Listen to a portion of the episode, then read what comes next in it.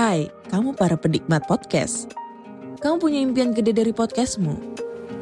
Terus First Story bisa banget bantu kamu. Mulai dari F-Link, Dynamic Audio Insertion, sampai statistik yang komprehensif. Semua ada di First Story. Gak ketinggalan kamu bisa monetisasi podcastmu lewat iklan dari First Story Ads yang bisa kasih kamu penghasilan dari setiap place podcastmu. Yuk gabung sekarang dengan klik di firststory.me. Sekali lagi, klik di firststory.me. Mari kita bawa mimpi podcastingmu menjadi kenyataan. Hello? Hello? Podcast Network Asia. Network Asia. Halo semua pendengar mitologi santuy, podcast yang ngebahas mitologi dengan cara yang santuy. Senang bisa jumpa kalian semua lagi dengan episode-episode petualangan seru dari mitologi Yunani. Yang kali ini menceritakan tentang petualangan Jason.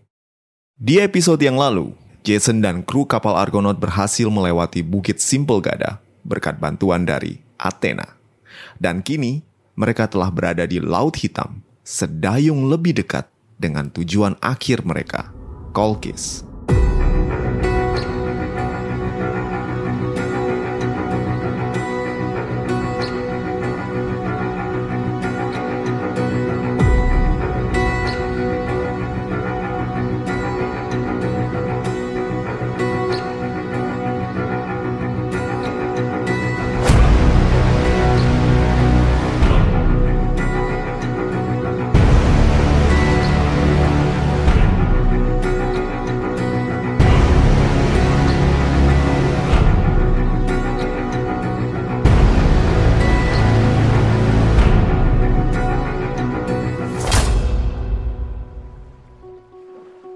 Kapal Argo berlayar mengarungi Laut Hitam setelah melewati Bukit Simple Gada.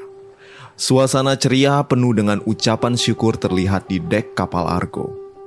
Para pahlawan menikmati keberhasilan mereka sambil bergantian menghampiri Jason yang siap merawat tangan para pendayung yang kapalan dan terluka gesek akibat terlalu keras mendayung. Sementara itu, Argus dibantu oleh Ankeus memperbaiki ekor kapal dengan perlengkapan seadanya. Angin bertiup perlahan dan kapal Argo melaju tanpa halangan. Laut hitam atau Euxine memang jarang dilalui oleh kapal-kapal lain. Semua karena Bukit Simple Gada. Bukit ini telah menghalangi jalur perdagangan dan di mana tak ada jalur perdagangan, tak ada pula kapal bajak laut dan monster yang mengancam keselamatan mereka. Nestor dan Jason pun mencari tempat untuk berlabuh setelah beberapa hari mengarungi laut dan perbekalan mereka mulai menipis. Di sinilah terjadi sedikit perbedaan pendapat antara Jason dan Nestor. Pelabuhan terdekat dari posisi mereka adalah Themyscira, ibu kota kerajaan Amazon yang pernah diobrak-abrik oleh Hercules. Jason hendak mengisi perbekalan di sana, sementara Nestor berpendapat lain. Mampir ke kerajaan cewek-cewek galak yang dulu pernah diobrak-abrik sama Hercules mantan anggota Argo. Not a good idea. Bukannya perbekalan, malah berantem ntar. Namun hal ini diperparah juga dengan kondisi tipis yang tiba-tiba memburuk. Si jurumudi ceritanya begadang di geladak mengemudikan kapal Argo, sementara rekannya Ankeus tertidur karena kebanyakan minum wine. Entah karena masuk angin atau kecapean gara-gara peristiwa batu simpel gada, tipis yang mual pergi ke samping kapal untuk mengeluarkan isi perutnya. Tapi tiba-tiba tipis terhuyung-huyung dan terjatuh ke laut. Beruntung saat itu Euphemus, putra Poseidon yang juga anggota Argonaut, menyelamatkannya dari laut. Euphemus yang oleh ayahnya diberi kemampuan untuk berjalan di atas air bergegas terjun ke laut dan menangkap Tipis sebelum dirinya tenggelam. Sejak itu, Tipis mengalami demam dan kondisinya terus memburuk. Jason berniat membawa Tipis ke Themyscira, berharap ada dokter yang bisa menolong jurumudinya tersebut. Namun Nestor bersikeras untuk melewatkan Themyscira dan berniat untuk mencari tempat lain daripada berhadapan dengan para wanita-wanita Amazon.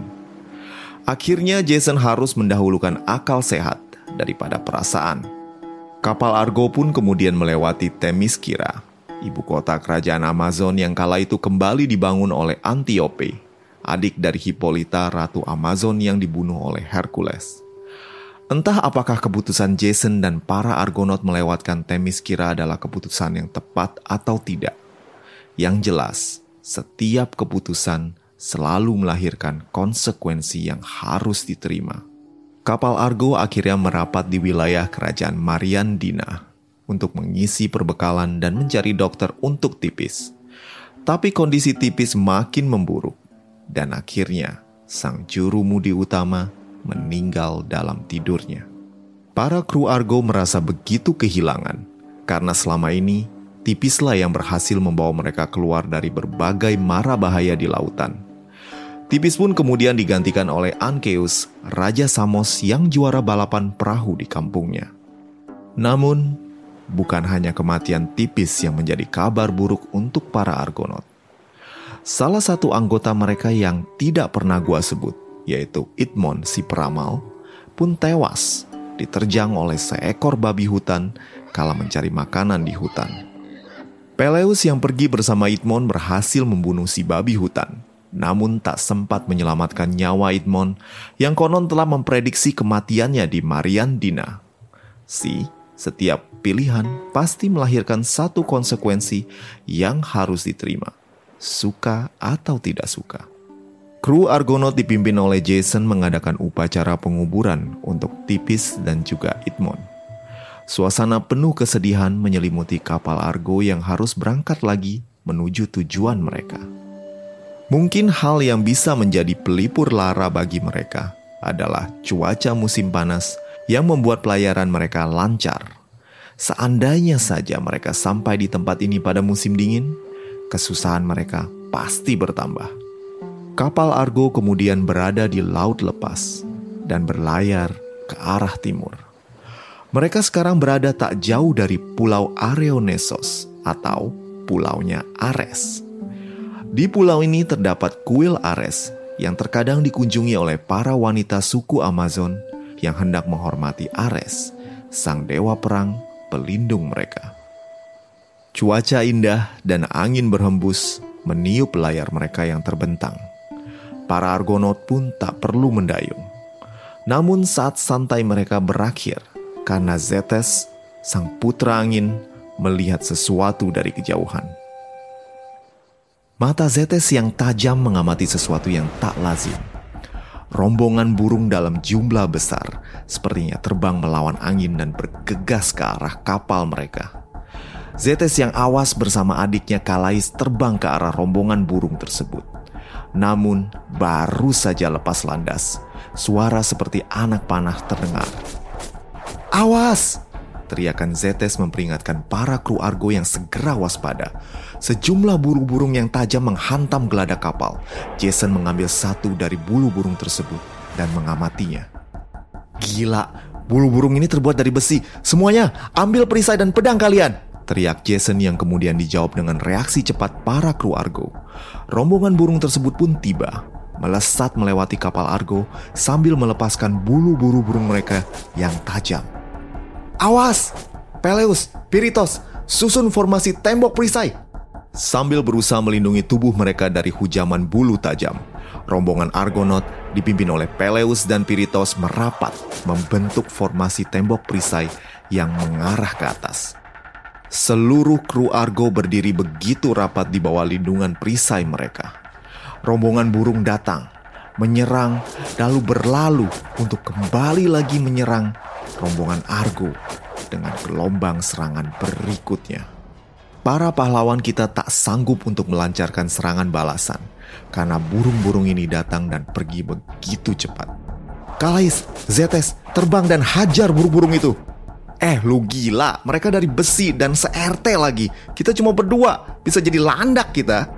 Perintah Jason yang tidak masuk akal ditolak oleh Kalais dan Zetes.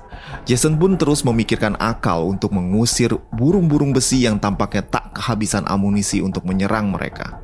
Sementara perisai mereka mulai penuh dengan bulu-bulu besi yang menancap. Tenang, tenang semua biar gue mainin irama musik gue. Singa aja tidur, gue yakin gue bisa bikin rombongan burung ini tenang.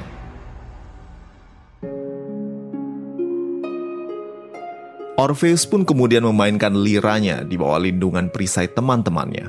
Irama yang begitu merdu dan menenangkan, namun tidak bagi rombongan burung yang ganas tersebut. Bukannya tenang, rombongan burung besi itu semakin ganas dan mulai menyerang dengan cakar dan paruh mereka. Beberapa kru Argonaut terluka oleh hantaman cakar, bulu terbang, dan juga paruh mereka yang tajam, seolah mereka terprovokasi oleh musik dari Orpheus. Orpheus, stop! Mereka nggak suka musik lu! Orpheus tercengang dan berhenti memainkan liranya.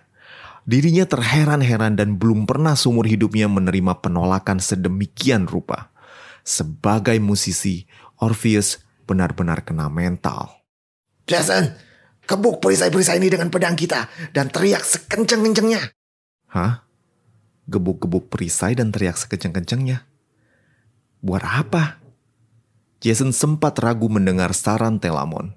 Namun karena sobat Hercules ini bersikeras, Jason pun mengikuti sarannya. Teman-teman, dengarkan Telamon.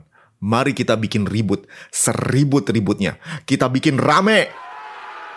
Para Argonaut mengikuti komando Jason dan mulai berteriak-teriak seperti orang gila dan membentur-benturkan pedang mereka ke perisai.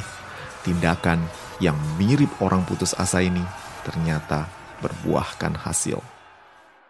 Rombongan burung besi meninggalkan kapal Argo dan pergi terbang ke arah barat. Para kru kapal Argo langsung membanting perisai dan pedang mereka, lalu duduk sambil bernafas lega. Hei semua, Hati-hati sama bulu-bulu burung yang nancep. Tajem-tajem itu. Argus, gimana keadaan kapal kita? Argus telah mengamati keadaan kapal lalu memberikan jempol macam om-om ketika foto kepada Jason tanda bahwa kapal Argo baik-baik saja. Jason kemudian menghampiri Telamon dan berterima kasih atas sarannya. Lu mestinya terima kasih sama Hercules. Dia yang dulu pernah cerita ke gue soal burung-burung besi yang dia lawan pas 12 tugasnya itu. Hercules dulu juga frustasi lawan burung-burung ini. Dia panah pakai panah darah Indra, kagak mempan. Untunglah Athena kasih wejangan. Kalau burung-burung ini takut sama suara berisik. Jason pun tersenyum dan menepuk pundak Telamon tanda terima kasih atas saran yang dia berikan. Sungguh, Hercules adalah pahlawan sejati. Walau kehadirannya tidak ada di kapal Argo, sang putra Zeus masih memberikan bantuan lewat pengalamannya. Entah apakah Jason bisa mengikuti langkahnya sebagai pahlawan sejati. Lantas, kenapa burung-burung besi yang diusir oleh Hercules bisa berhadapan dengan kapal Argo? Well, burung-burung besi yang diusir oleh Hercules dari Stimfalia ini tampaknya kabur ke pulau Areonesos tempat dewa pencipta mereka disembah. Barulah ketika kapal Argo mendekat, burung-burung ini datang berusaha untuk menyerang mereka. Jason dan kru kapal Argo akhirnya memutuskan untuk mendarat di pulau Areonesos untuk mengisi perbekalan dan membersihkan kapal dari bulu-bulu burung besi yang membuat kapal Argo mirip dengan landak. Sesampainya di pulau ini, rombongan Argo disambut oleh empat pemuda. Nama-nama mereka adalah Argos, Kitoros, Prontis, dan Melas. Mereka adalah putra-putra dari Prixus. Masih ingat Prixus? Prixus adalah anak dari Nefele dan Atamas yang kabur dengan bantuan domba emas dan mendarat di Kolkis. Gimana? Masih ingat gak? Well, kalau lupa, silahkan dengerin lagi episode Jason Domba Bulu Emas. Silahkan, gua tunggu. Udah? Baiklah, kita lanjut. Prixus kemudian menikahi putri dari Aetes, penguasa Kolkis, dan memperoleh empat anak dari pernikahannya. Hidup bahagia sampai akhirnya meninggal dengan damai. Namun Aetes tiba-tiba jadi parno dan mengira keempat cucunya ini akan merebut tahtanya. Sehingga Aetes kemudian ingin membunuh mereka semua. Rencana Aetes gagal karena ibu mereka Kalsiopi memberitahukan niat jahat kakeknya dan keempat putra Prixos ini pun melarikan diri berusaha mencapai Yunani untuk menemui kakek mereka dari pihak bapak, yaitu Atamas. Terus kalian pada ngapain di pulau ini? Tanya Jason kepada keempat putra Priksus tersebut.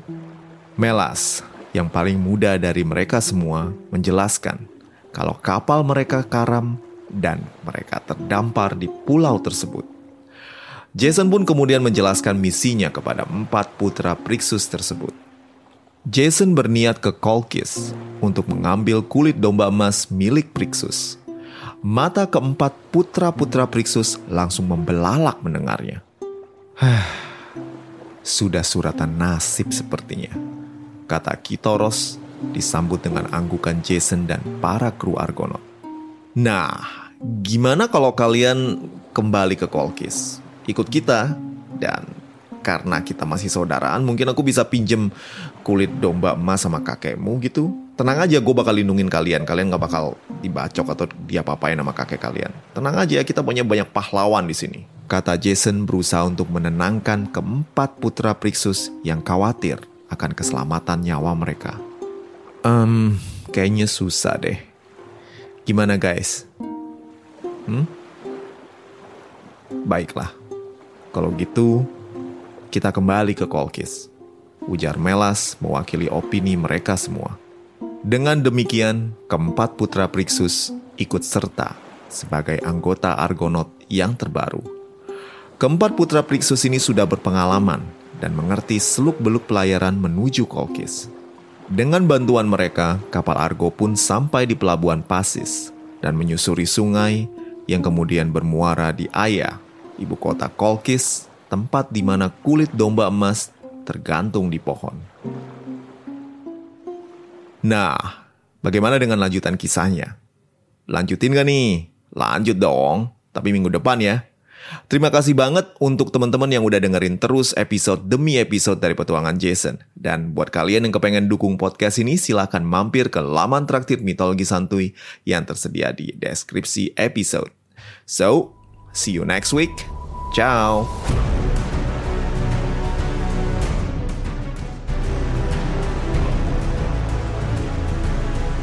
Pandangan dan opini yang disampaikan oleh kreator podcast, host, dan tamu tidak mencerminkan kebijakan resmi dan bagian dari podcast Network Asia. Setiap konten yang disampaikan mereka di dalam podcast adalah opini mereka sendiri dan tidak bermaksud untuk merugikan agama, grup etnik, perkumpulan, organisasi, perusahaan, perorangan, atau siapa pun dan apa pun.